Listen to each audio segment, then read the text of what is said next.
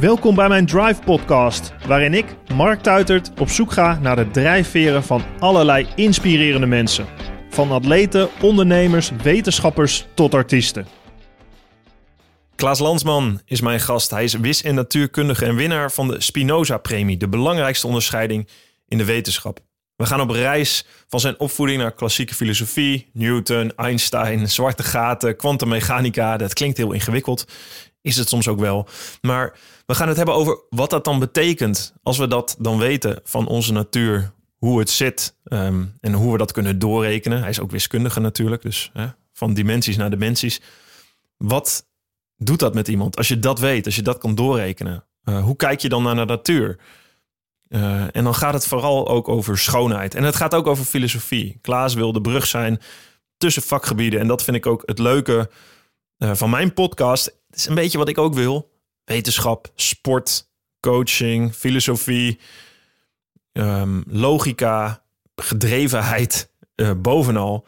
Ja, die dingen wil ik met elkaar verbinden. Um, en daarom vind ik het leuk dat Klaas Lansman te gast is en zijn licht laat schijnen over zijn vakgebied en het leven. Ik zou zeggen, luister naar en leer van Klaas Landsman.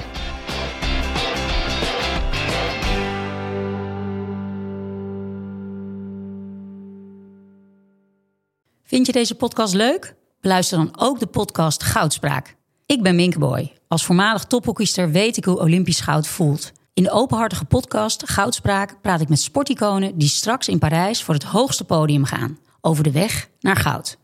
Beluister nu de podcast Goudspraak.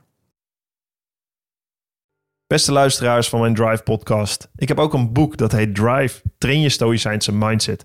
Daarin omschrijf ik de tien principes die ik ontleen aan de stoïcijnse filosofie. De stoïcijnen waren heel erg bezig, de vroege Romeinen en Grieken, over hoe je nu staande kunt blijven in de storm van het leven. Ik denk dat dat heel relevant is aangezien we in een chaotische wereld leven waar heel veel op ons afkomt. Hoe kun je er nou voor zorgen dat je relaxed blijft, het juiste blijft doen voor jezelf en voor anderen? En hoe kun je nou aan de andere kant gedreven zijn, je ambities willen halen, zonder dat het ten koste gaat van jezelf? Super mooie les. Ik heb daar heel veel aan gehad als atleet en nog steeds iedere dag in mijn huidige leven. En ik heb een leuk nieuwtje voor jou. Bestel nu mijn boek op www.marktuitert.nl en je krijgt een door mij gesigneerd exemplaar toegestuurd. Leuk voor jezelf, maar misschien ook heel erg leuk om cadeau te doen aan iemand die die lessen kan gebruiken. Er staan ook 10 trainingen in mijn boek die je kunt doen. En je kunt je ook aanmelden op de nieuwsbrief op mijn website. Dan krijg je iedere zondagochtend, gratis en voor niks, de laatste gedachten en trainingen opgestuurd. Uh, door mij persoonlijk. Dus vind je dat leuk? Ga naar marktuitert.nl Koop mijn boek, abonneer je op mijn nieuwsbrief. Of als je iets meer wilt weten eerst, uh, ga dan naar mijn Drive podcast 55, waarin ik die stoïcijnse mindset kort uitleg.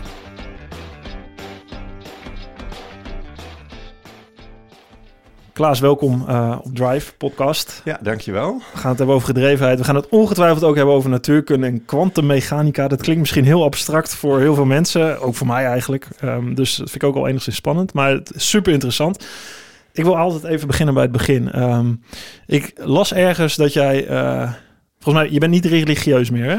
Nee, ik kom wel uit een katholieke familie, maar mijn ouders verloren zelf hun geloof toen ik zo rond de 12, 13 uh, was en verlieten de kerk. Dus ik heb wel eerst de communie gedaan, maar daarna eigenlijk niks meer. En er nooit ook echt in geloofd. Maar je ouders zijn wel echt streng katholiek begonnen? Of? Nou, die, ja, die, die komen nog van de generatie dat bijvoorbeeld mijn vader uh, zijn eerste niet-katholieke medemens pas ontmoette toen hij 21 was. Oh, echt nog in de verzuiling? Ja, dat was compleet in de verzuiling, hoewel ze uit Amsterdam kwamen. Dus uh, uit Amsterdam-Zuid. En die verzuiling was daar heel extreem. Dus hij zat op het, uh, het Ignatius College, waar ik later ook heen ging. Die hadden eigen sportclubs, het was een jongensschool. Nou, iedere dag naar de kerk. Mijn vader was nog misdienaar. En door ben ik ook nog geweest. Ja, niet dus. Nee, nee, nee, dat, dat net niet. En dat, dat zou zij ook niet hebben aangemoedigd, denk ik. Maar uh, een heel grote rol speelde bijvoorbeeld Huub Oosterhuis, de vader dus van Treintje. Dat was een uitgetreden jezuïet die massa's katholieken eigenlijk uit de kerk heeft geleid. Die had alternatieve diensten in de Amstelkerk in Amsterdam. En dan nog steeds vanuit een bepaald christelijk uh, perspectief, maar toch wel behoorlijk anti-katholiek. En dat hebben mijn ouders overgenomen en ik ook, die houding. Oké, en hoe zag, hoe zag dat eruit dan? Nou, er is heel veel respect voor de Joodse traditie van het christendom, waar de katholieken het eigenlijk niet graag over hebben. Gewoon het feit dat Jezus Joods was. Mhm. En eh, een duidelijke stellingname tegen de hiërarchie in de katholieke kerk. Gewoon paus, kardinalen, aartsbisschoppen, bisschoppen en de pastoor die vertelt verder eh, wat je moet doen. Ik heb wel daarvan overgehouden een enorme belangstelling voor de historische Jezus. Daar kunnen we het ook nog over hebben. Maar Mhm. ik heb een hele bibliotheek over gewoon... Paul Verhoeven heeft daar ooit een boek over geschreven. ja, ook, dat heb ik ook gelezen. Hij wou er zelfs een film over maken, maar dat heeft hij eh, helaas niet gedaan. Dus er is wel iets blijven hangen. Eh, dus gewoon de belangstelling Ja, daar wil ik naartoe. Ik wil eigenlijk, de, de- zeg maar, we hebben het, ik wil het graag hebben over natuurkunde en wiskunde, wat jouw vakgebied Mhm. is. Eh, winnaar van de Spinoza-prijs, wetenschapsprijs. Ja, dat is de hoogste prijs in Nederland. Ehm, wat daar de connectie tussen is, hè? filosofie, eh, daar, gaan we, daar, wil ik een beetje de mengeling. Ik Ja. vind het heel interessant om die vakgebieden, en nou, daarom begin ik eigenlijk ook met geloof en waar je vandaan komt. Hoe, hoe is het in jouw jeugd eh, wat dat betreft gegaan? Wat, wat, wat speelde die, wat, waar, wat, wa- wat was de rol van aan de ene kant kennis, wetenschap, filosofie, eh, geloof? Komt, komt dat daar al Nou, dat, dat was een interessante vraag. Eh, dus eh, ik zou zeggen, de katholieke kerk, meer dan de protestantse kerk, eh, is erg gericht op het idee van waarheid. Met wel de opmerking dat zij die waarheid ook hebben. Dat die in Rome ligt. Dat eigenlijk de paus de, de behoeder is van de waarheid. En daarvan is wel het streven naar waarheid, waarheidsvinding, waarheid zoeken, is heel sterk in mij aanwezig. Alleen denk ik niet meer dat de waarheid in Rome ligt. Maar mijn doel... In principe is toch ook wel het geloven. Dat stopt op een gegeven moment nog met waarheidsvinding. Dan is, is, dat gaat het toch over in geloof, waar de waarheid eigenlijk, of de zoektocht naar waarheid Nou, ophoudt. nee, bij- dat is denk ik meer een protestants eh, gezichtspunt wat je uit. Ik denk dat bij, bij katholieken is de, de waarheid een dogmatisch begrip wat je maar hebt te accepteren. Mhm. En dat heeft wel effect gehad. Het idee dat er een waarheid is. En dat mijn eh, doel zou zijn om die te vinden. In mijn geval over zeg de natuurkunde, de kosmos, de wiskunde. Dat er, maar wel met, uit het idee dat die absolute waarheid te vinden is. Ja, precies. Eh, dat, dat is eh, door postmodernisme en soortgelijke stromingen natuurlijk erg aangevallen. Maar dat idee heb ik nog steeds. En dat is misschien naïef, maar dat zou je terug kunnen rekenen tot mijn katholieke opvoeding, inderdaad. De waarheidsvinding. De waarheidsvinding. met het geloof dat die... Ja, en da- daar komt bij, mijn moeder, mijn vader was chirurg, maar mijn moeder die was journalist voor Algemeen Handelsblad en daarna NRC Handelsblad.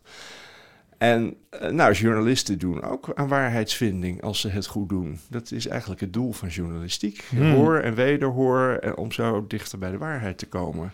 Dus dat ging zeker ook van haar uit. Oké. En daarin speelde sport ergens ook nog een rol. Want je, je hebt fanatiek gesport in Ja, dat, dat staat daar denk ik loodrecht op hoor. Dat was ontspannend bedoeld. De eerste sport eh, die ik deed was volleybal. Eh, ik heb één oudere broer, is anderhalf jaar ouder. En wij zochten eigenlijk naar iets leuks. Eh, wij moesten van onze ouders tennissen op de tennisclub Festina in Amsterdam, wat we allebei helemaal niet leuk vonden. En toen zag mijn broer een advertentie in de krant van Deltaloid AMVJ. Dat was een volleybalclub die Mhm. ook een eredivisie team hadden. En die begonnen met een jeugdafdeling en die deden mini-volleybal. Dat, eh, dat is in die tijd ook uitgevonden. 3 tegen 3, later 4 tegen 4. Met een kleinere bal, lager net, specifiek op kinderen gerichte vorm van volleybal. Eh, de eerste coach was Geert Trompetter, die ook een belangrijke figuur is in de Nederlandse volleybalgeschiedenis. Die zette dat op, in ieder geval in Amsterdam.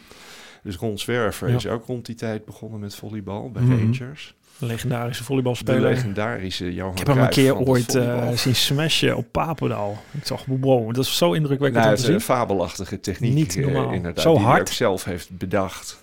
Ja, dat, dat, dat is een, eh, Ja. gewoon een held voor mij. Maar jij bent Maar goed, dat vrij lang ook natuurlijk. Neem dus, aan je eh, broer ja, ook. Ik, ik was eh, een middenaanvaller en middenblokkeerder. De Ron Zwerver is wat het nu heet paser-loper. Dat is Hm. toch een andere rol dan de middenspeler. Maar hij is wel, ik denk, nog langer dan ik. Maar dat volleybal stond een beetje loodrecht op de waarheidsvinding. Hij heeft wel een grote rol in mijn jeugd gespeeld. Eh, Dus wij waren ook best goed. En vond ik heel leuk. En ik vind nog steeds een hele leuke sport.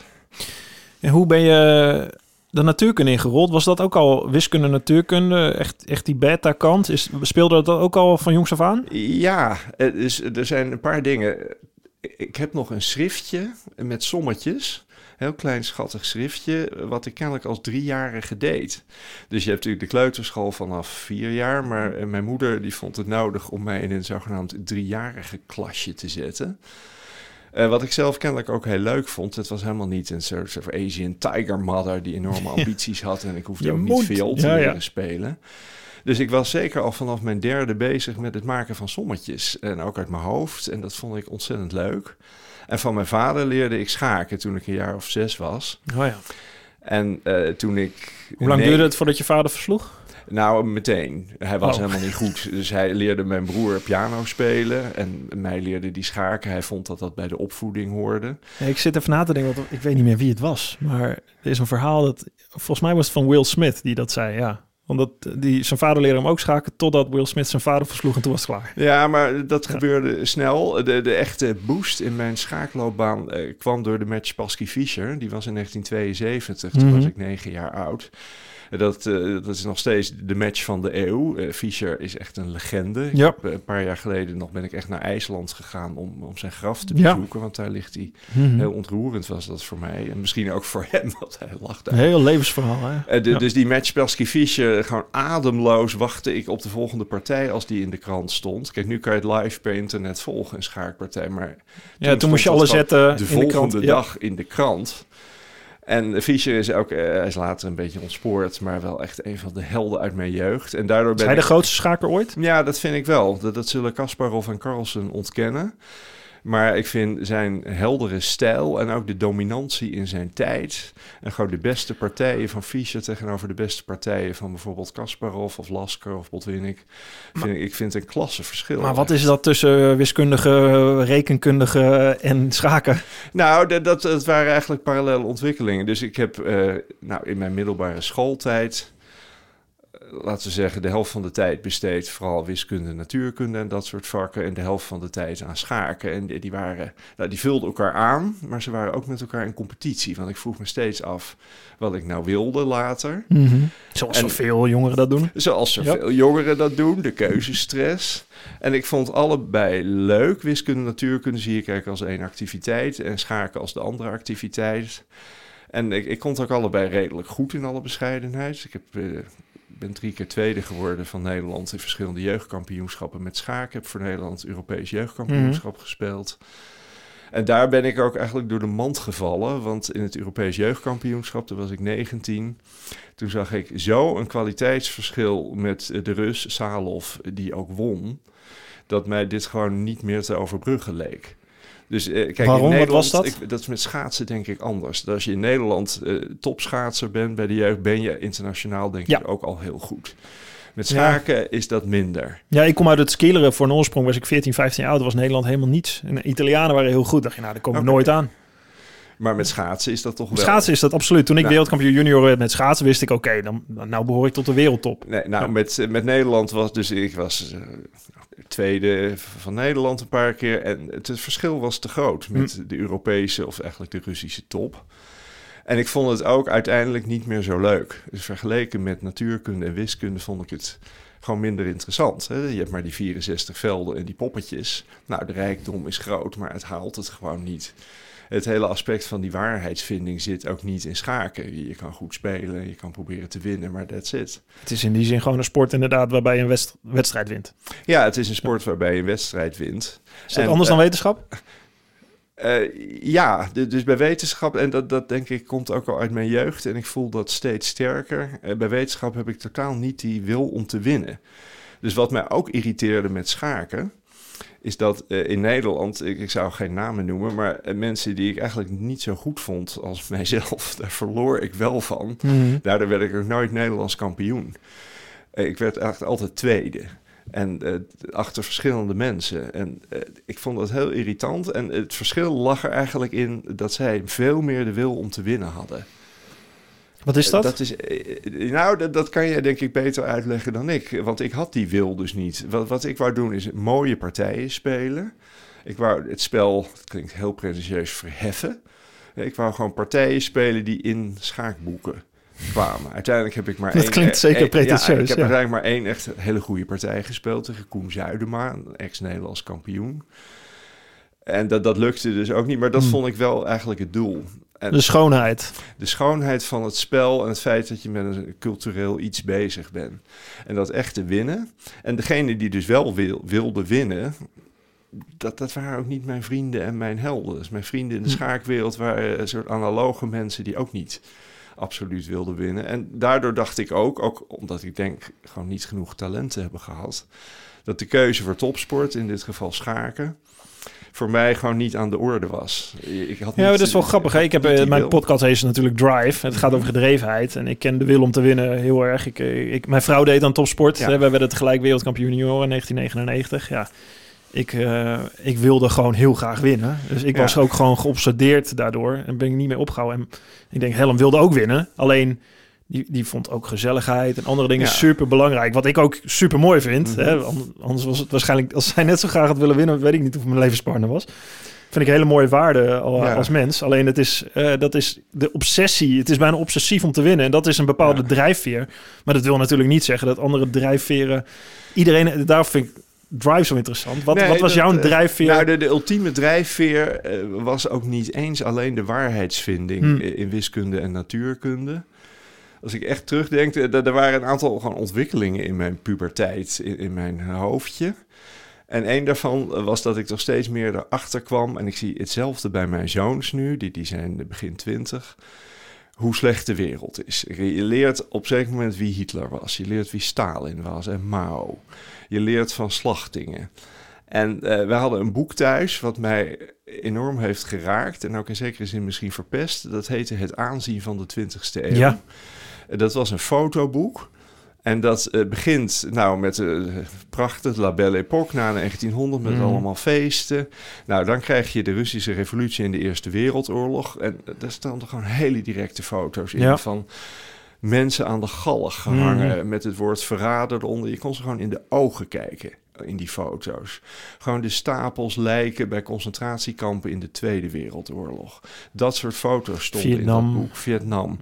Dus eh, dat, Grappig, ik had dat ook in, als, als in mijn puberteit ook heel... Ik ging echt naar een bibliotheek en daar...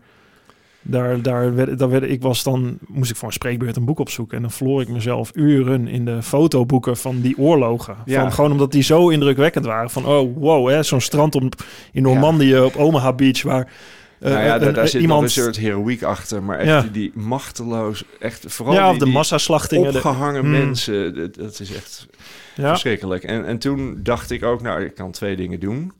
Ik kan hier tegen vechten. Dan ga ik voor Amnesty International werken. Of misschien ga ik in het leger. Dat is ook een reactie daarop.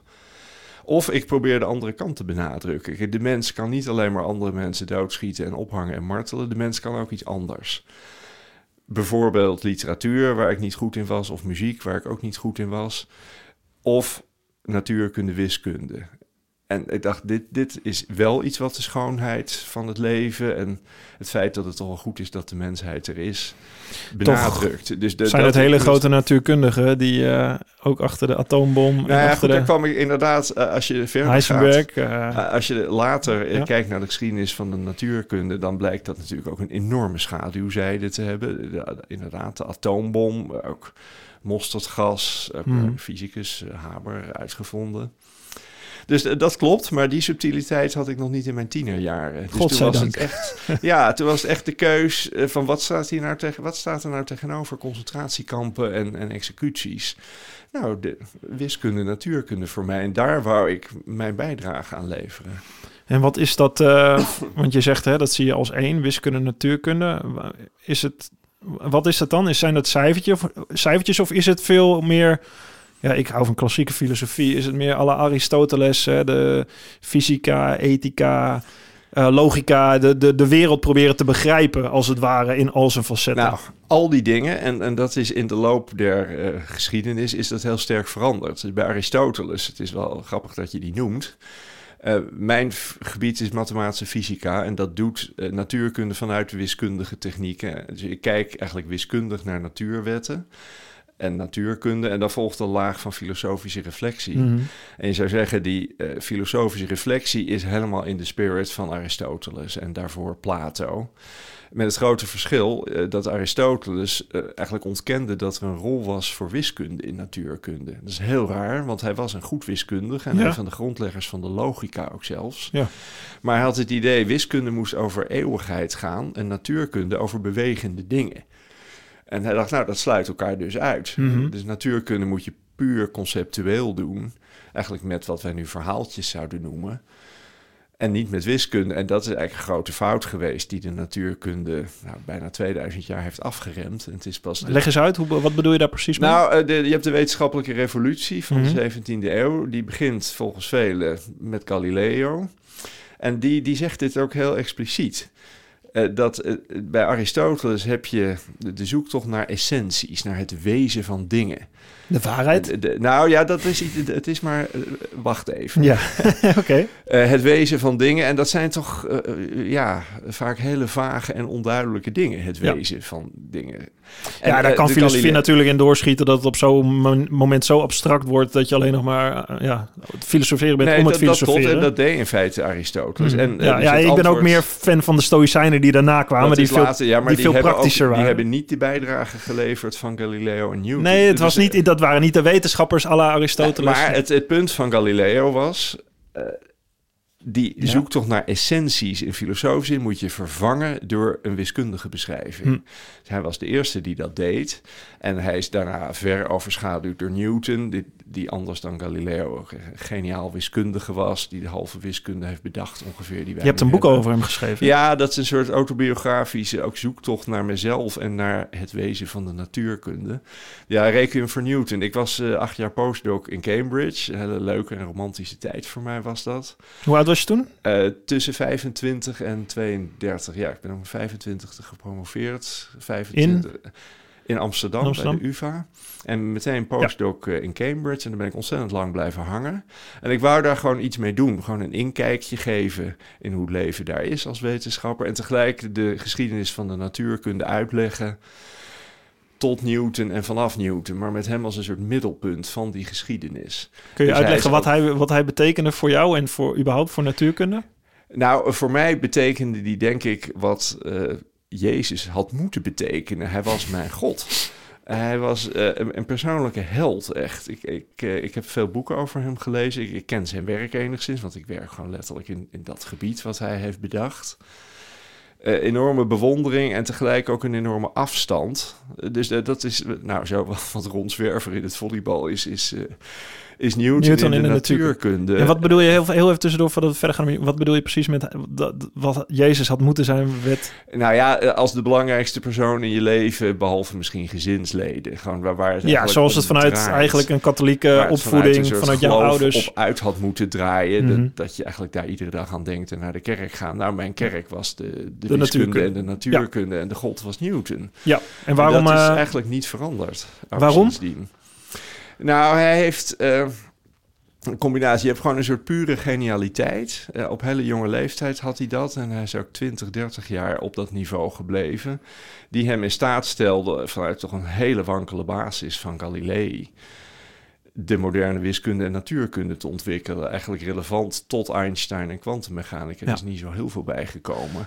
maar en- hij, en heeft, dat- hij heeft ja. wiskunde heel erg gebruikt om natuurkunde te bedrijven Ja, maar die wiskunde bedacht hij ook grotendeels zelf. En dat is eigenlijk zijn nooit meer overtroffen Heb je daar een voorbeeld van? combinatie. Nou, bijvoorbeeld eh, de, bewegingen van voorwerpen. Je hebt, eh, als je, wij zijn mannen, hè, als je plast, kan je je Mhm. afvragen hoe ver, hoe moet je mikken dat het zo ver mogelijk komt. Hè? Ja, ja, dat doen wij is- regelmatig. Het antwoord is 45 graden. Nou, dat is gewoon een berekening. En hoe je die berekening doet, is door Galileo een beetje ingezet. Maar de wiskunde daarvan, differentiaalrekening en integraalrekening, Mhm. is echt door Newton bedacht. Ja, Inclusief... je kunt gewoon de baan, zonder dat je hem weet, kun je, beschrijven. De baan, ja, je kan gewoon een berekening doen. En eh, dat is wat nu op middelbare school wiskunde B heet. Gewoon integratie, differentiatie. En dan één niveau hoger dan eh, plassen in een weiland is de baan van een planeet. Dat zijn ellipsen. Mhm. En dat was al uit waarneming bekend uit het werk van Kepler. En dat heeft Newton eigenlijk bewezen vanuit zijn gravitatiewet, die ook echt door hem is bedacht. Met behulp van die, die wiskunde, dus calculus in het Engels. Mhm. Dus hij heeft die wiskunde. 9,8 meter per seconde kwadraat, Nou, de- dat is gewoon de lineaire valsnelheid. En de Precies. berekening van de baan van een planeet is Mhm. orders van grootte moeilijker. En alleen al het feit dat hij dat... Kijk, hij heeft het gewoon... Hoe kwam hij erachter dat dat een ellipse was? Door het uit te rekenen. Dus je hebt eh, de, de wetten van Newton, hè, FSMLA, Ja. de, de traagheidswet. En de formule voor gravitatie, evenredig met de massa's en eh 1 gedeeld door r kwadraat. En vanuit die, die principes kon hij de planeetbanen berekenen. In een berekening die op de universiteit nog steeds moeilijk is. Dus we Hm. hadden tot voor kort een, een eerstejaarsvak wat 14 weken duurt. Waarom is om dat? die Waarom, berekening te doen. waarom, waarom, waarom Ja, is, het is, is het een ellips? Ja, dat, dat is volgens mij niet goed uit te leggen eh, dat het precies een ellips is. Dus kwalitatief kan je zeggen, de traagheidswet die zegt dat een planeet eigenlijk gewoon in een rechte lijn met constante snelheid blijft bewegen Mhm. als er geen andere materie was. Ja. Een stilstaande planeet daarentegen wordt door de gravitatie aangetrokken door de zon en eindigt gewoon door op de zon te pletter te Ja. vallen. En het is een soort compromis tussen het rechtdoor willen bewegen met constante snelheid en het aangetrokken worden door de zon. En dat compromis is een ellipsbaan. En in een ideaal geval kan dat ook een cirkel zijn. Ja. En, maar de berekening daarvan, en dat maakt het ook moeilijk uit te leggen, behalve door zo'n soort Aristotelisch verhaaltje. Die berekening is echt ontzettend moeilijk. En eh, hij was bezeten voor, van precisie. En hij werkte altijd door. Hij vergat vaak te eten. Ja, En, en we hadden het net over de wil om te winnen of juist niet als drive. Bij Newton was de drijfveer, die was heel christelijk, het doorgronden van de schepper. Dus het plan van de schepper of de schepping, daarvoor deed hij het. En dat is bij mij, dat is dan ook toch wel op de katholieke achtergrond, heb ik eigenlijk ook. Dus het doorgronden van het plan van de schepper, zelfs als je niet meer gelooft dat er een schepper was. Gewoon het doorgronden van de architectuur van de natuur en de natuurkunde. Dat doe ik niet. De schoonheid, De ja. schoonheid. En dat deed Newton nou, onnavolgbaar en ook heel, heel bezeten. Hij heeft gewoon 30 jaar eigenlijk achter elkaar gewerkt. hij komt toch ook uit een opvoeding inderdaad. Wat, eh, ik ken verhalen van hem dat hij, dat hij heel hard moest werken, ook, ook als jochie. En dat hij ontsnapte eigenlijk uit het leven Nou, hij kwam uit een eh, boerengezin, Ja. niet een heel arm gezin, maar juist eh, wat dan yeoman farmer in het Engels, een een soort herenboeren. Mhm. Maar zijn vader overleed al eh, tijdens de zwangerschap waar hij uitkwam. En hij moest eigenlijk het gezin runnen vanaf zijn kleutertijd. En ook op het land werken. En toen hij in Cambridge begon, eh, ze waren niet heel arm, maar ook niet echt rijk genoeg om zijn studie te betalen. Moest hij ook klusjes doen voor de fellows van het college. Hij zat in Trinity College, waar ik later ook terecht ben gekomen. En hij moest gewoon de etensrestjes opruimen en hun kamers schoonmaken. Terwijl hij veel beter was, ook op zijn achttiende, dan al die mensen voor wie hij die klusjes moest doen. Dus hij was ook heel gemotiveerd om ze te overtreffen. Hmm. Maar hij is, hij is in zoveel opzichten fascinerend. Hij heeft ook eh, eigenlijk de helft van zijn tijd aan kerkgeschiedenis besteed. En, en niet eens aan wiskunde en natuurkunde. Dus hij wou ook via de Bijbel. Hij was in die zin gewoon klassiek gelovig. Ja. Hij zag de, de Bijbel als een soort bron van waarheid naast de natuurkunde. Maar dan, moet je toch een soort... Ja, dat is dan je levensfilosofie. Probeer me er even in te beelden. Voor hem was het dus echt beschrijven wat God geschapen heeft. En dat is aan hem om te beschrijven. Het is niet om daar verder vragen over te stellen waar dat Nee, vandaan komt. of klopt. een verdere vraag. Dus dat, dat vind ik een heel goed punt. D- er zijn eigenlijk twee dingen. Dus ten eerste, de beschrijving is niet meer filosofisch, maar wiskundig. Mhm. Dat is één vernieuwing, die, die, die dus door Galileo is ingezet, maar door Newton voltooid. Dat idee, dat maakt, geeft dan zekere afstand. Hè, Ja, daardoor kun je ook het geloof handhaven misschien. Ja, Ja. da- da- daardoor is er niet, is niet zo snel inderdaad een spanning tussen geloof en wetenschap.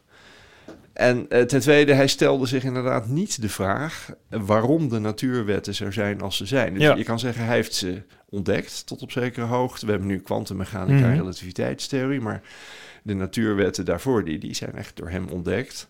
Maar je ziet bij hem niet de vraag waarom dit zo is. Je ziet wel een soort speculatie hierover dat eh, de schepper, de, de God, een keuze moet hebben gehad. En daarin is hij anders dan Leibniz. Dat was een vijand van hem, een belangrijk filosoof en ook wiskundige. Die beweerde altijd dat eh, er is maar één optimale wereld en dat is degene waarin wij leven en door God zo gemaakt. Newton eh, benadrukt voortdurend de vrijheid die de schepper had in het kiezen van een natuurkunde of van een wereld. En daardoor stelde hij zichzelf ook niet die vraag waarom we in de huidige wereld zitten, want dat zou de almacht van God aantasten. Precies, ja. Dus dat gezag ligt niet bij de De Leibniz staat wel dan? Nou, die, die had dus wel dat, dat, dat eh, argument. Hm.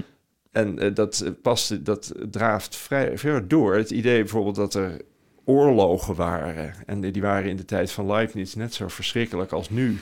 Je hebt één oorlog waar gewoon een derde van de Europese bevolking bij is omgekomen. Ja. Ik geloof de 30-jarige oorlog. Eh, daar vond hij nog steeds van, je moet het goddelijke plan als geheel kennen, wat wij niet doen, om te zien dat dat nog steeds de beste mogelijkheid is. Dus je kunt niet zomaar zeggen dat God de beste keuze heeft gemaakt. Of, Nou, dat vond hij dus wel. ja. En Newton, die- die, heeft zich nooit over oorlogen uitgelaten. Eh, Dus, maar het is echt Ja. een heel groot verschil. Er is of maar één mogelijkheid, en dat is wat Spinoza ook dacht, en dus Mhm. ook Leibniz. Determinisme. Eh, Ja, maar verder gaat dan determinisme. Dus determinisme eh, kan je zeggen... Het is heel moeilijk te definiëren begrip. eh, Mhm. maar ruwweg, het is dat het heden plus de natuurwetten de toekomst bepalen. En, en ook het verleden. In principe is alles voorbestemd, Ja. bepaald. Alles is bepaald. Maar dan is de vraag, eh, wie kiest het heden en Mhm. de natuurwetten? ja, heb en je dan- zelf agency, is, heb je zelf nog enige... Nee, maar ook heeft de, de godheid dat. En, en dan is dus Leibniz en Spinoza eh, het standpunt dat het heden en de natuurwetten maar op één manier hadden gekund. Ja, Spinoza zegt Dit denken de Stoïcijnen ook. Eigenlijk Ja, neemt Spinoza dit over van de Stoïcijnen. Nou, eh, dat wist ik niet. Ja. Eh, Fijn om dat te weten, echt. En eh Spinoza zegt dit heel stellig in de ethica. Ja. En dat zou Newton dus nooit zeggen. En daar, ik sta meer aan die kant. Ook Jij staat aan de kant van? Van Newton. Van Dus Newton. Ik, ik- ook omdat ik niet religieus ben. Dus Mhm. ik, de discussie is voor mij heel anders. Maar, Maar- ik zie niet waarom er maar één mogelijkheid zou zijn. Nee, maar in principe als je op het punt staat van vandaag de dag, in het nu, dan is de enige mogelijkheid die zich heeft afgespeeld, de mogelijkheid die is uitgespeeld, toch? Die wij... Gegeven de natuurwetten en Ja. het nu. Maar de Precies. vraag is, had er een ander nu kunnen zijn? Hadden er andere natuurwetten kunnen zijn? Nou, is dit niet wat, t- zo lees ik het een beetje zoals de Stoïcijnen bedoelen, maar dat, dat je gewoon de, de wereld zoals die nu is, had niet anders kunnen zijn. Zeg maar, die, is, die heeft zich zo uitgespeeld. Ja, Los dus- van het- dus- los van in de toekomst hoe het dat, verder dat gaat. is niet het standpunt van Newton en Hmm. ook niet van mij. En Hmm. ik, eh, ik zou me hier eens echt eh, mede hierdoor geïnspireerd in Mhm. moeten verdiepen waarom de Stoïcijnen dat dachten. En op welke gronden, want toen hadden ze natuurlijk nog niet echt de natuurkunde Nee, om, zij, om dit goed te kunnen beargumenteren, die Leibniz wel al had. zij, hadden, zij beargumenteerden wel hoe, dat hadden ze eigenlijk uit de natuurfilosofie, vuur, water, eh, de, de krachten, ze konden dat inderdaad niet testen of beredeneren. Ehm, en in, in die zin waren ze ook eh, gelovig, omdat ze alles eigenlijk één, ze zagen alles als één grote logos. Dus de, de wereld, de kosmos, de natuurwetten, die moeten we doorgronden of die proberen te begrijpen. Maar dat is eigenlijk één. Eh, een god, een godsidee Ja. is eigenlijk een logos. Hè, dat is niet een poppetje op een wolk. eh, dat, is, dat zit in de natuur. Dus wij kunnen de natuur begrijpen als mens. En als mens zijn wij Mhm. rationele wezens met hersens en sociale wezens die samenwerken met, met wat er speelt in de kosmos. We zijn er onderdeel van. Dus we kunnen hem doorgronden, de natuurwetten. Alleen, eh, en we kunnen zelf acties en keuzes ondernemen. Maar in principe is eh dit is een soort ja, half deterministisch. het, is, het is in die zin deterministisch dat er een god is en het is bepaald. Maar wij hebben zelf eh, wel de wil om eh, acties te kunnen ondernemen. Eh, en dat is het dan ook. We hebben onze eigen keuzes en acties. Maar die wil is eigenlijk dan ook weer bepaald. En, en is een illusie, neem ik aan. Nou, dat is, een dat is inderdaad een beetje de... Is, is die wil, komt die dan uit onszelf? Eh, of is die ook al voorbestemd omdat ja, we dat... En ik, ja. het lijkt mij, als ik jou goed begrijp, dat ze dat laatste zouden moeten vinden. Het is trouwens grappig dat je dat zegt, want Ja. dat logos-idee is natuurlijk in het christendom gekomen door het evangelie van Johannes. Van het woord is vlees geworden en in, en in het begin was er het woord. Dat is precies Ja. Eh, dat begrip van logos van stoïcisme. En daar is eh, de historische Jezus ook verlaten. Dus als je even teruggaat naar Mhm. hoe we het gesprek begonnen, Mhm. als je de evangelie kijkt, is Marcus is het meest authentieke. Daar komt al dat soort gedoe niet in voor. Mhm. Het gaat gewoon over de historische Jezus. Ja. En daarna wordt het steeds hoogdravender en spiritueler. Iets waarin Jezus zich volgens mij ook totaal niet meer zou hebben herkend. En Nee. dat, dat, dat hele logos-begrip... eh, dat- Nou, zo is het bij de Stoïcijnen eigenlijk ook gegaan. in. Uiteindelijk is het e- de ethica uit alles en de logica die zijn overeind gebleven. En dat is, eh, ja, het- daar is het veel meer naartoe gegaan. Dus hè, de, de, de fysische kant, eh, de natuurkunde die erachter zit, dat is, dat is anders geworden. Maar in principe de filosofische kant, de ethische kant, die staat voor mij heel erg overeind. Los van het feit of, hè, en daar, dat, dat zegt Epictetus ook, die leeft in de eerste eeuw na Christus. En die was eh stoïcijn en praktisch stoïcijn. Die zegt, hè, weet je, of het nou deterministisch is of puur toeval. In principe voor de keuze die je vandaag de dag maakt, is dat niet zo relevant. Jij Nee, maakt zelf de ethische keuze. En daar ben ik het helemaal mee eens. daar kun je heel lang over ja. discussiëren of je kan het begrijpen. En dat is Ja. het, vind ik het fascinerende. Dat vind ik ook heel interessant en leuk. Alleen in principe eh, ja, maken ze het terug naar wat is een goed leven wat je kunt leiden en wat is daar belangrijk in. Ehm, dus ja, dat, maar daarom vind ik het niet minder interessant om, om. Ik vind het juist heel leuk dat jij te gast bent. Dat jij daar licht op kan laten schijnen over wat wel die fysische kant is in dat hele geheel. Van Ja, naast de ethische kant en de morele kant eh, is, het, is dat heel leuk, denk ik, om te proberen te begrijpen. Hoe zit nou, hoe werkt die wereld nou vanuit jouw brein, vanuit een wiskundig brein? Nou, ik heb één soort waarschuwingje. Eh, mijn conclusie is steeds meer eh, dat kennis van natuurkunde en wiskunde gewoon loodrecht staat op ethische en filosofische vragen. Hmm. Het klinkt paradoxaal, want Ja. ik probeer vanuit filosofisch standpunt natuurkunde te doen en vanuit wiskundig standpunt ook. Maar de, de filosofische vragen, bijvoorbeeld rond vrije wil, daar heb ik mij echt ooit behoorlijk in verdiept. En Ja. ook meerdere artikelen over geschreven. Ook het verband tussen vrije wil en kwantummechanica. Nou, Vertel. mijn conclusie is eigenlijk steeds dat dat verband er niet is. Je- Mhm. Je hebt één heel simpele dooddoener.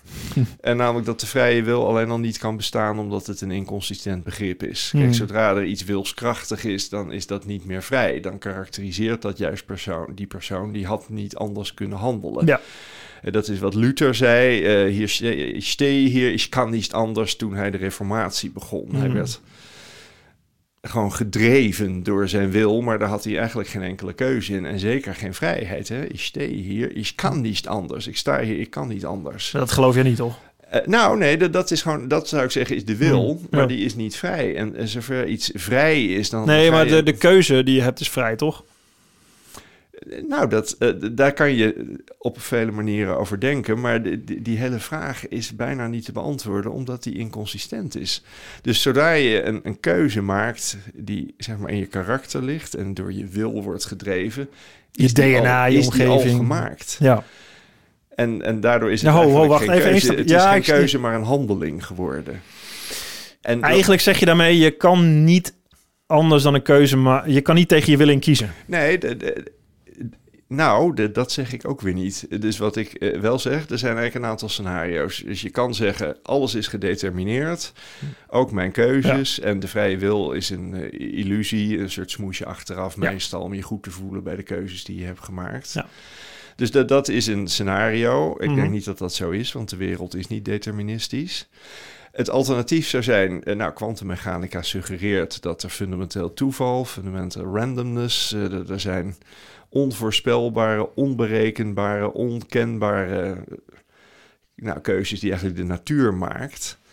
Een heel simpel voorbeeld, we zitten nu in een eh, mooi verlichte kamer in het Groene Hart.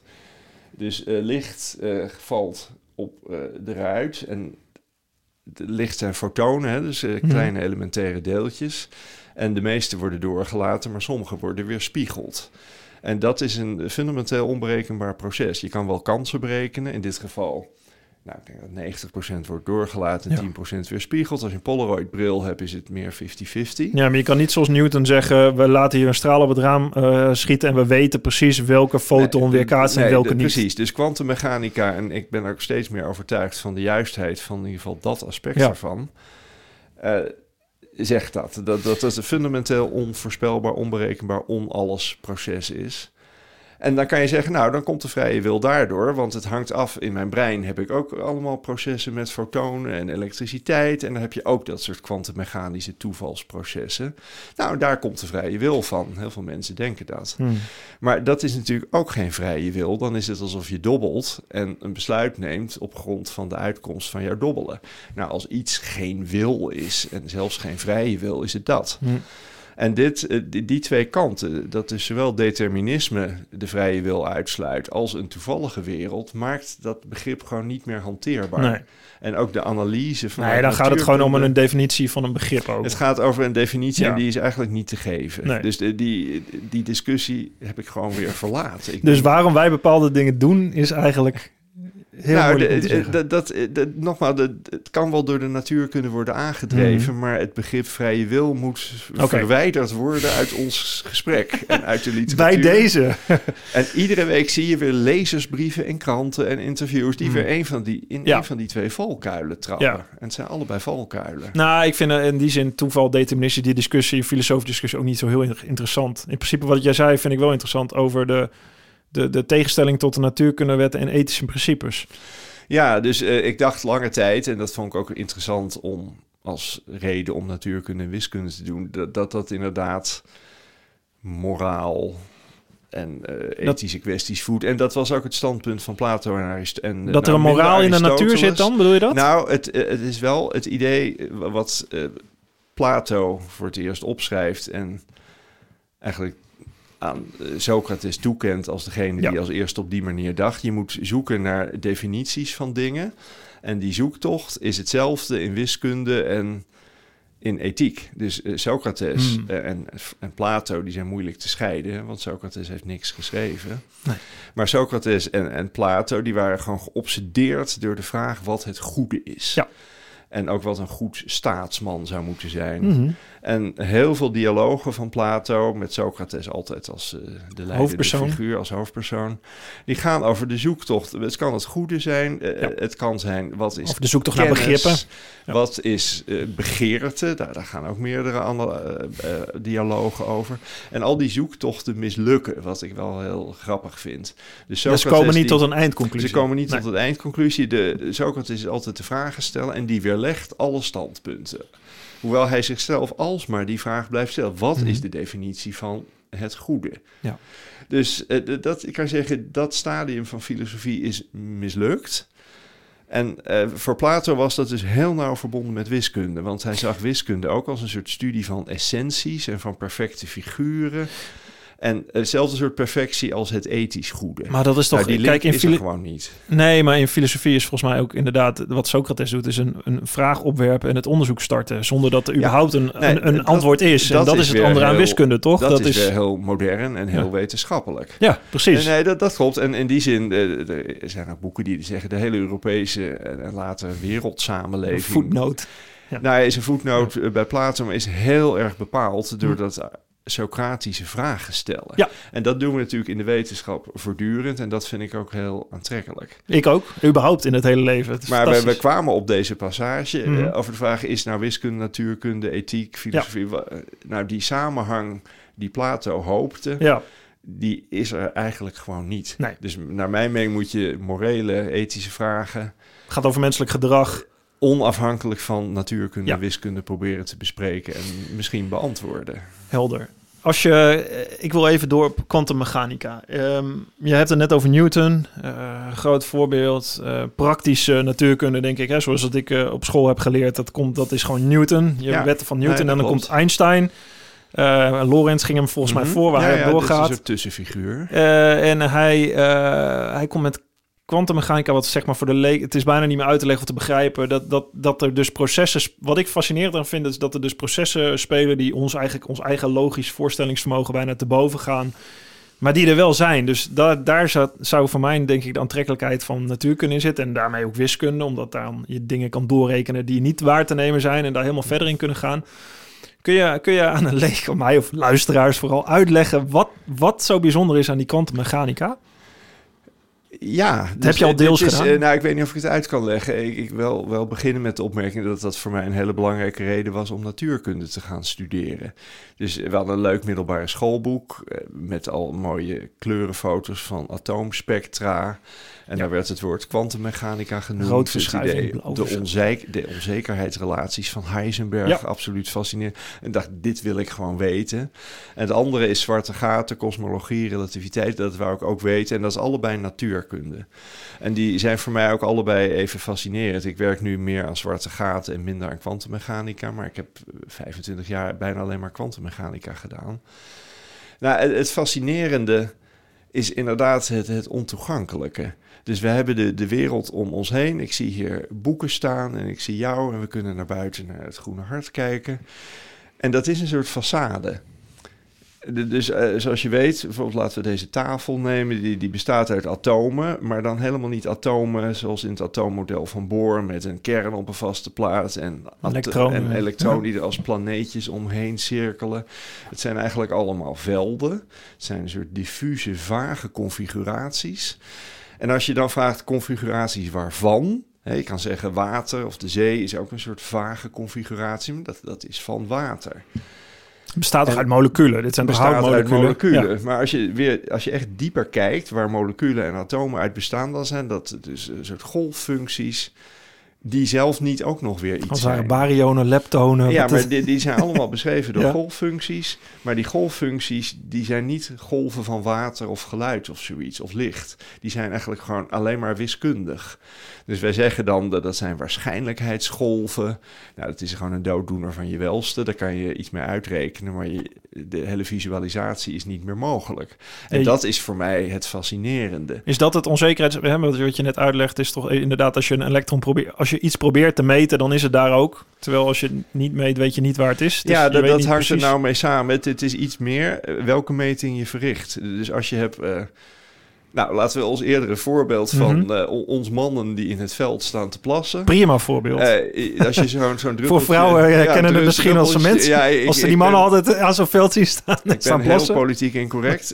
je kan van zo'n druppeltje urine de plaats en de snelheid meten. Nou, als plassende mannen niet meer kunnen, dan wordt het wel heel erg hoor. precies. nou, de plaats en de snelheid, en dat is omdat het best groot is, een millimeter. En die kan je heel nauwkeurig bepalen. Mhm. Het blijkt dat je dat bij een atoom niet meer kan doen. En dat je eigenlijk moet kiezen of je de plaats of de snelheid met enorme precisie meet. En zodra je de plaats meet, wordt de snelheid, die krijgt zo'n duw dat die daarmee onbepaald is geworden. En omgekeerd, als je snelheidsmeting doet, krijgt de plaats zo'n mhm. duw dat die onbepaald wordt. En daar is een zekere marge in en dat geven de onzekerheidsrelaties eh, van Heisenberg. Ja. Maar, er worden niet duidelijker van de natuur. dit, dit, is nog eigenlijk mhm. niet eens het meest dramatische. Dus mhm. dat, dat kan, dat alles een beetje fuzzy is, een beetje vaag. Ja. Het, het, probleem is echt wat de werkelijkheid is. Nogmaals, we snappen wat water is. Ik snap wat, wat, wat jouw t-shirt is. Maar wij snappen niet wat die golven van materie zijn. Dus nogmaals, wiskundig wij zeggen het zijn waarschijnlijkheidsgolven. Nou, dat, dat zegt eigenlijk ook weer helemaal niks, behalve hoe je bepaalde berekeningen kan doen. Daar zijn we allemaal heel goed in als fysici. Maar de, zeg maar de ontologie, wat het is, is, is gewoon ondenkbaar. Het is, het is een puur wiskundige beschrijving geworden, waar, waar je geen onderliggende visualisatie of hm. beeld meer van hebt. Maar jij zit aan de ene kant heb je kwantummechanica, aan de andere kant zwarte gaten. Daar zit wat dat, dat zijn toch ook dat zijn twee eigenlijk van dezelfde stam, maar twee totaal verschillende grootheden. Ja, het, is uh, nou ja, tegenwoordig gaat het onderzoek steeds meer naar het verband tussen kwantummechanica en zwarte gaten, maar oorspronkelijk, historisch. Uh, compleet anders. Ja. Uh, want kwantummechanica gaat over het allerkleinste. En zwarte gaten, dat hoort eigenlijk bij kosmologie, dat, dat gaat over het allergrootste. En bijvoorbeeld het zwarte gat wat nu eh, is gefotografeerd in het centrum van ons melkwegstelsel. Hè, dat is was op alle voorpagina's. En drie jaar daarvoor was er een, een ander zwart gat op alle voorpagina's. Die, die hebben als grootte ongeveer ons zonnestelsel. Je hebt zo'n horizon, dat is het zwarte gebied. Dat, dat is gigantisch. En een atoom is maar heel klein. En dus eh, in de geschiedenis van de natuurkunde van de 20e eeuw waren dat ook hele gescheiden gebieden. Ja. Hoewel Einstein is zo kolossaal groot dat hij op allebei beslissende invloed heeft gehad. Precies. Maar verder waren het andere mensen, andere gebieden. Mhm. En uh, wat, wat we ons nu afvragen is, wat is nou eigenlijk de samenhang tussen het allerkleinste en het allergrootste? Wat is de samenhang tussen kwantum en kosmos? Ja. Nou, dat weet niemand. Als je het wiskundig beschrijft, zijn het eigenlijk botsende theorieën. Je kan de ene theorie niet op de ander toepassen. Dus als je kwantummechanica doet van het allerkleinste en je zegt ik vermenigvuldig de schaal met duizend miljard of een, veel groter getal, dan moet het allemaal nog werken. Dat, dat is dus niet zo. Hmm. En omgekeerd de natuurkunde van zwarte gaten, als je die toepast op hele, hele kleine objecten, krijg je niet kwantummechanica. Dan krijg je iets wat gewoon niet een goede beschrijving van atomen Want het geeft. fascinerende van zwarte gaat, of wat Dat- waar Einstein mee komt, de ruimtetijd. Dat is ook weer zo'n zo'n geval van wat, wat, wat moet je daarmee? Wat kun je daarmee? Wat, nee, wat- dat, dat is ook weer eigenlijk een voorbeeld hoe Newton zijn tijd vooruit was. Want Ja. eh, het begrip ruimte-tijd is eigenlijk voor ons ook ondenkbaar. Voor ons is er gewoon de tijd op ons horloge en die Ja. loopt. En de ruimte is heel erg stabiel. Je hebt het noorden, het zuiden, het oosten, het westen. En je kan ook nog omhoog en omlaag. Ja. En dat ligt allemaal vast. Het blijkt dus dat dat eigenlijk gewoon door elkaar gegooid wordt met de tijd. Nou, dat is voor ons al eigenlijk niet meer toegankelijk, behalve wiskundig. Mhm. En dan zie je echt hoe ver Galileo en Newton hun tijd vooruit waren. Door te zeggen: focus op die wiskundige beschrijving. Verder kom je toch niet. Hoewel hun argument dus heel anders was. Hè. Zij, wou, zij wilden af van die Aristotelische essenties. Ze wilden af van het echt kijken in het brein van God, want dat durfden ze niet. Ja, En dat was hun motief om wiskundig te kijken. Nu is het bijna een zwaktebod geworden. Van wij komen gewoon niet verder dan een wiskundige beschrijving. En we worden gek Ja, als we in dat- ons hoofd ruimte en tijd gaan mengen. En toeval en kwantum en materiegolven. Ja is we dat ook niet een beetje een, een trieste constatering? Ja. In die zin dat je, we, we kunnen met ons met berekeningen kunnen we zoveel met zulke slimme computers, quantumcomputers komen eraan. Het is waar on, hè, je kan eh, misschien eh, dimensies uitrekenen. Alleen Ja. je kan ze niet zien, je kan ze niet voelen, je kan ze niet dat- aanraken, dat- je kan ze niet eens Nee, dat, dat processen. klopt. Het, het wordt trieste conclusie. Kijk, voor mij, dus dit is mijn dagelijkse ding. En ik heb heel veel Ja, het is niet om je vak, vakgebied Nee, ik af heb te er doen, letterlijk genot uit. Als je gewoon Ja. het, het spectaculairste voorbeeld, mooie naam ook Hilbertruimte. Dus wij leven in een ruimte van nou, dimensie 3 en 4 als je de tijd meeneemt. De kwantummechanica leeft in wat heet een Hilbertruimte. Die is oneindig dimensionaal. Dus niet eh, alleen miljoendimensionaal, maar oneindig dimensionaal. En hij is ook niet reëel, zoals wij gewoon hebben. We hebben een afstand die is 2 meter, maar je moet het in complexe getallen uitdrukken. Het getalletje i komt heel groot voor in kwantummechanica. Dus de, de helft van mijn leven speelt zich intellectueel af in die Hilbertruimte, wat mij intellectueel, wiskundig alleen maar genot geeft. Want het is een puur het- rekenkundige nou, ruimte. het is gewoon schitterend bedacht. Het, je kan er prachtige constructies, je kan er meetkunde in doen, je kan er kansrekening in maar doen. wat is dan, wat is daar, wat maar nou, het voor- is wat echt, is- wacht, ja? eh, wat je zei, het is een trieste conclusie. Hmm. Bij mij wordt die gebalanceerd door de schoonheid van de wiskunde. En als je die wiskunde niet tot je genotsmiddelen mag rekenen, dan is het triest dat er een onbegrijpelijk formalisme is. Dus eigenlijk, als ik je goed begrijp, de, de, de, de, de krankzinnigheid, hoe de wereld misschien echt in elkaar zit, wat we, waar we een glimp van, glimp van krijgen in kwantummechanica en Ja. zwarte gaten. Ja, dat, dat, dat kunnen we niet meer bevatten bijna, maar daar kunnen we nog wel wiskundig. Ja, dat klopt. En dat is dus het eindstadium.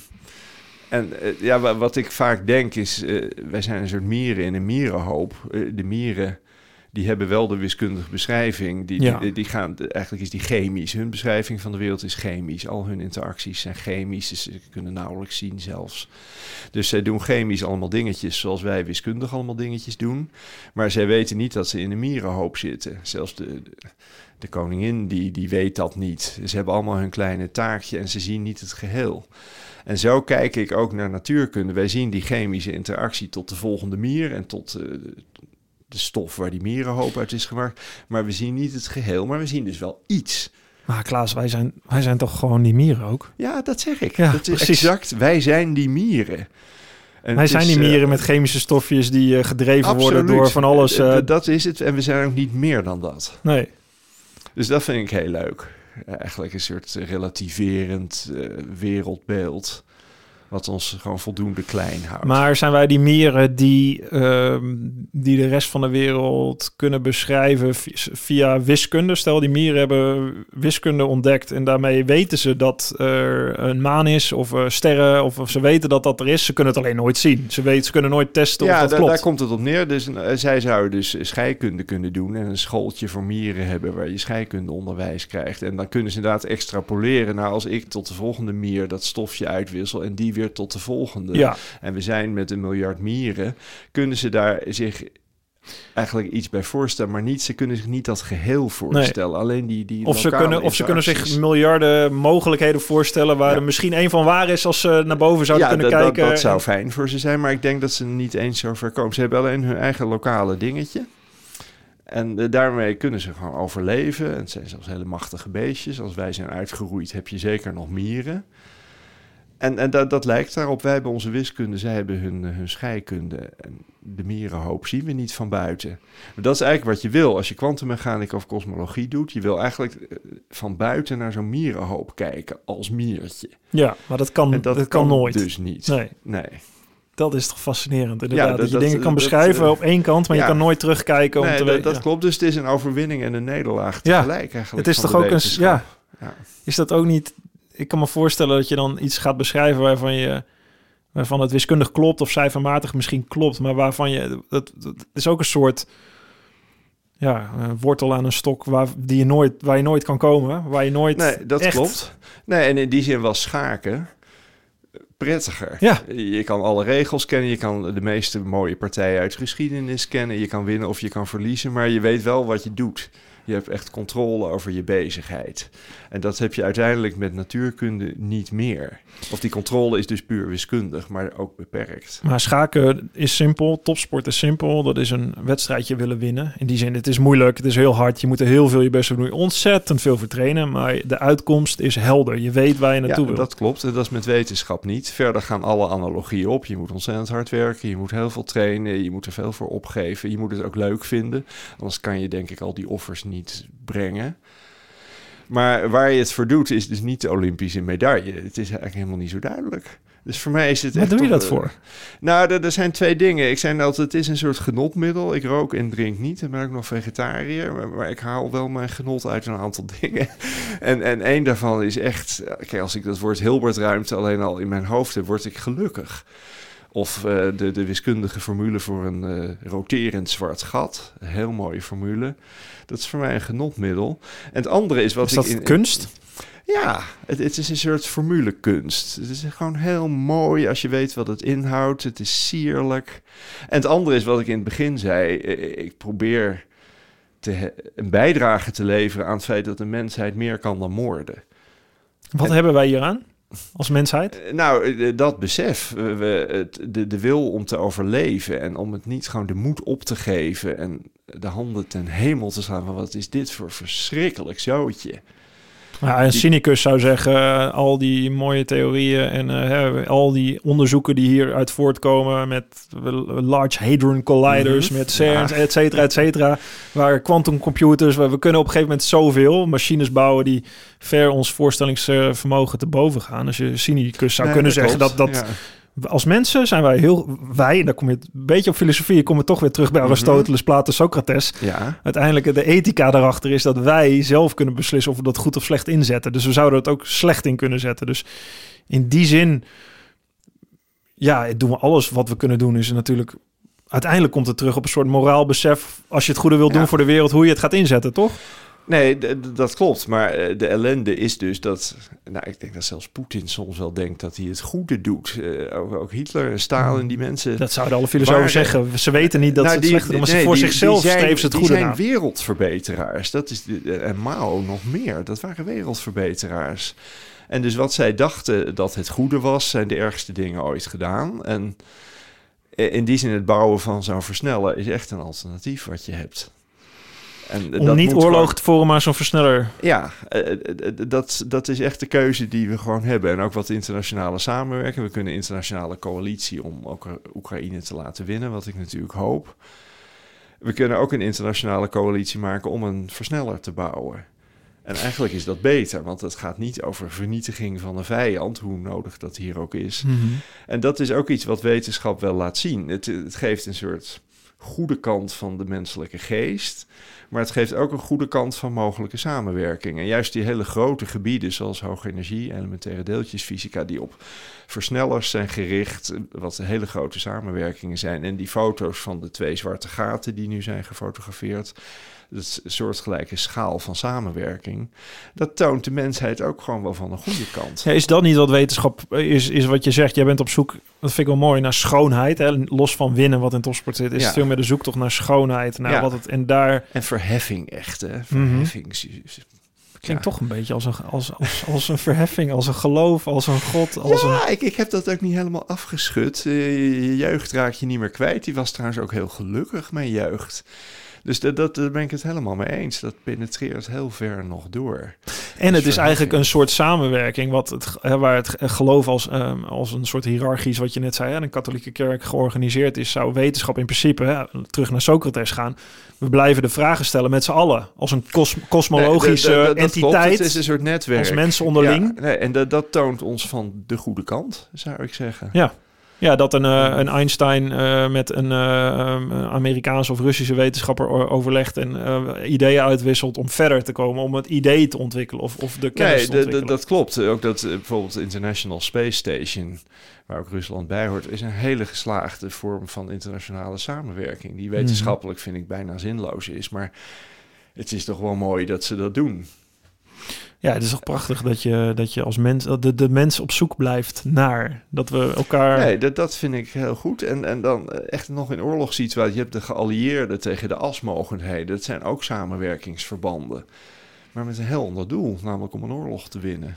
Helemaal los van de vraag wie er gelijk heeft in die oorlog. En wie de goodies en wie de baddies zijn. Maar het doel is toch vernietiging van de tegenstander. En internationale samenwerking in wetenschap ja, heeft verheffing. Ja, Ik zeg het maar nog een keer. ja, precies. Je zou eigenlijk ja, de verheffing van de wetenschap. Verheffing en Ja, waarheidsvinding. ook al kom ik dan weer terug inderdaad bij de drie eenheid logica, fysica, ethica. Dat, Ja. je, dat je dat die, daarom vind ik het zo fascinerend. Dat doe ik eigenlijk, ik probeer het een beetje te doen met mijn podcast. Dat je die vakgebieden, je hebt elkaar allemaal nodig. Eh, met het Nee, inderdaad, dat zoektocht, de zoektocht naar wat goed, goed leven is. De zoektocht naar hoe de natuur in elkaar zit. Nee, De zoektocht naar wat een logische redenatie is. Als we niet meer logisch redeneren, dat is mooi wat Epictetus schrijft. Re- eh, waarom logisch redeneren ehm, nodig is, vraagt iemand zich af. Hij zegt, ja, je hebt al een logische redenatie nodig Mhm. om dat antwoord te kunnen geven. Dus Nee, dat klopt. Ja, heb je dat, dat is nodig. heel daar kunnen we het ook lang over hebben. Logica voedt wel zowel ethiek als wetenschap. Hè? Dus ik heb proberen uit te leggen dat het voor mij steeds meer losgekoppeld wordt. hmm, Maar logica zit, er in, zit in allebei. ja, En heel leuk Precies. is propositielogica, eh, de eenvoudigste logica, dat is eigenlijk de Stoïcijnse, Ja. de Stoa-logica. Dat is niet de Aristoteles-logica die iets ouder was. Ja. Die eigenlijk veel minder effectief is in modern denken dan die Stoïcijnse logica. ja, we zijn Dus allemaal verder leuk. gekomen eh, als mensheid wellicht. Ja, door, ja. eh, en daar, Nou, dat is ook wel hoopgevend. Er is inderdaad een soort progressie. Ja. Ik denk niet in oorlogsvoering, behalve technologisch en in de moraal daarachter, maar wel in wetenschap en ethiek. Ik heb de idee dat we echt wel... ja, zijn we ethisch, more- zijn we Nou, ethisch ik- ik- als je toch de, de, de oude Grieken die wij beiden toch wel bewonderen. Mhm. eh, dus het Athene van Plato en Socrates was ook niet te beroerd om steden waar ze van hadden gewonnen compleet Zeker uit niet. te moorden. Nee. En daar, daar stelde ook niemand vragen bij. Ze hadden ook slaven. Het is een cliché. Vrouwen die, eh, hadden Vrouwen niets hadden te vertellen. te vertellen. Ja. En, en in die zin zijn wij wel iets verder. Ja. Kijk, er- er zijn nog Natuurlijk, hè, als je, steeds ik wou net zeggen, als jij dat bloek, een blik op de 20ste eeuw openslaat, dan Ja, nou dat, dat suggereert dus het omgekeerd dat we helemaal niet verder zijn. Maar we zijn Hmm. daardoor geschokt. En zelfs mensen als Plato waren helemaal niet geschokt door dat soort moordpartijen. Sterker nog, hij, was, hij hoorde bij de Atheense elite. En, en zijn oom was eigenlijk verantwoordelijk voor al dat soort dingen. Het, nou, daar heeft hij het nooit over. Dus dat, dat deed hem heel weinig. En Hmm. slavernij, er komen slaven voor in de dialogen van Plato. En niet met een analyse eigenlijk een schande dat deze jongen verder eh, een soort lijfeigen is en niks te vertellen heeft. En die reflectie hebben wij dus wel. Ja. Hoewel wij zeker niet slimmer zijn dan Plato. Hè? Dus eh, dat zou... genetisch gaan wij niet vooruit. Nee, precies. Nou ja, dat, eh, dat is hoopgevend, deze gedachte. Tot slot, Ja, dus langzaam. Eh, als je het hebt over, over geloof of je wereldbeeld. Ja, je zei net, eh, eh, wat, hoe, hoe kijk je erop? Wat, wat, je, je bent op zoek naar waarheid. We hebben het over gehad over schoonheid. Wat is, wat, wat, wat is dat? Wat is... Ja, nou, mijn wereldbeeld, het woord wat dat het beste beschrijft, is dat ik mij een mysticus voel, maar niet in de christelijke zin. Dus christelijke mystici, die proberen via een soort hysterische processen dichter bij Jezus te komen. En dat is helemaal niet mijn motief. En nogmaals, ik hou erg van de historische Jezus, maar niet op die manier.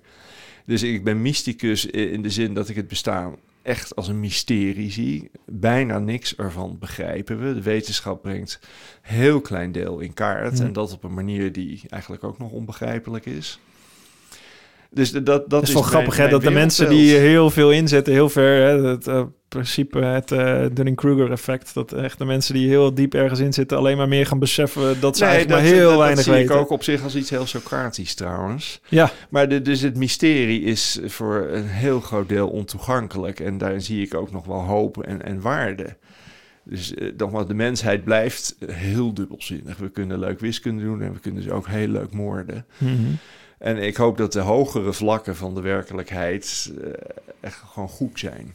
Op Maar je denkt nog steeds- niet kunnen beseffen. maar je denkt nog steeds dat de waarheid te vinden is. Nee, eh, behalve niet verder dan de vierkante millimeter waarop wij zitten. Hm. Dus de mens, net als de mier, is te beperkt om de complete waarheid te vinden. Dus de complete Maar je waarheid. begon dat je daar wel naar op Ja, ja. En, en het is in die zin een teleurstellende zoektocht. Dat we, nou, wat je net ook samenvat. Ik besef steeds meer hoe, hoe weinig we hebben bereikt. Maar daar staat dus nogmaals het genot tegenover en de behef, verheffing over wat we wel hebben bereikt. In de beperking ligt ook de, ja, de, het genot. Ergens dat je, dat je Nee, dus zo zie ik dat een soort mystiek van een echt ondergrondelijke soort die omgeeft ons bestaan. En daar zullen we echt nooit achter komen. Dus ik vind dat, best wel een geruste. jammer. Nou, maar ik vind dat wel een geruststellende gedachte. Dat we ergens. We, we, hebben, we, we hebben ergens de drive. Eh, wederom drive. De gedrevenheid om, om te zoeken.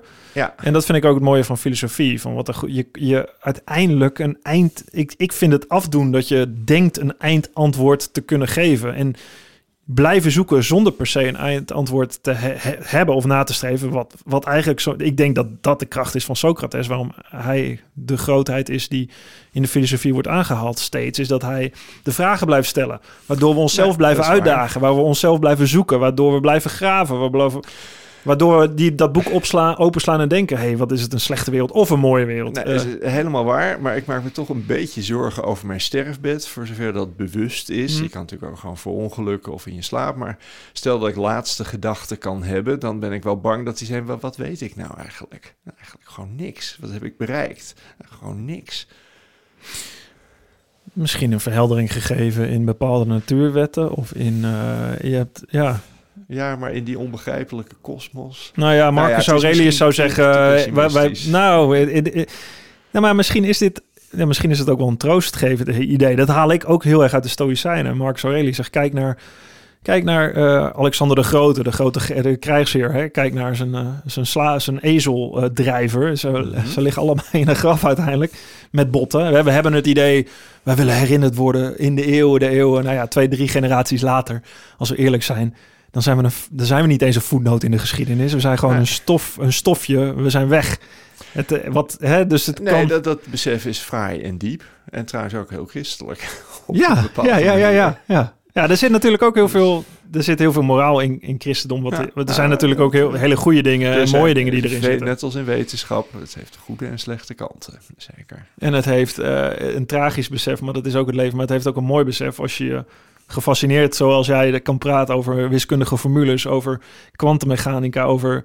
Daar kwam het toch alweer een beetje uit bij Newton misschien. Dat, en dat is misschien wel ook mooi om te eindigen. Dat, eh, of het nou deterministisch is of niet. eh, toeval, puur toeval, puur deterministisch. Even twee uitersten.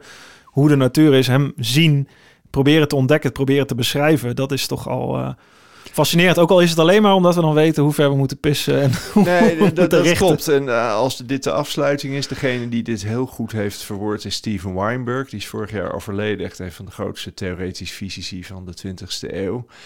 Die zegt ook eigenlijk precies wat jij zegt. De, de- het, het, het zoeken naar de natuurkunde, naar de natuurwetten... is eigenlijk het enige wat ons bestaan boven het niveau van een farce uitdeelt. Dat is het toch. Connectie ook, liefde, Precies. kunst, schoonheid. Ja, daar Muziek. geldt dat allemaal ook Daar gelden al die dingen toch voor. Een klein beetje verheffing boven de alledaagse nee, werkelijkheid. Nou, Dankjewel, Klaas. nou, jij ook bedankt. Dank voor het luisteren naar mijn Drive podcast. Je vindt mijn aflevering op Spotify, iTunes, YouTube en mijn website marktuitert.nl. Laat me weten wat je van mijn podcast vindt en deel dat via Instagram, Twitter, LinkedIn of Facebook. Heb je suggesties voor gasten? Stuur me dan een DM via die kanalen. Tot de volgende Drive podcast. Goed, Mark.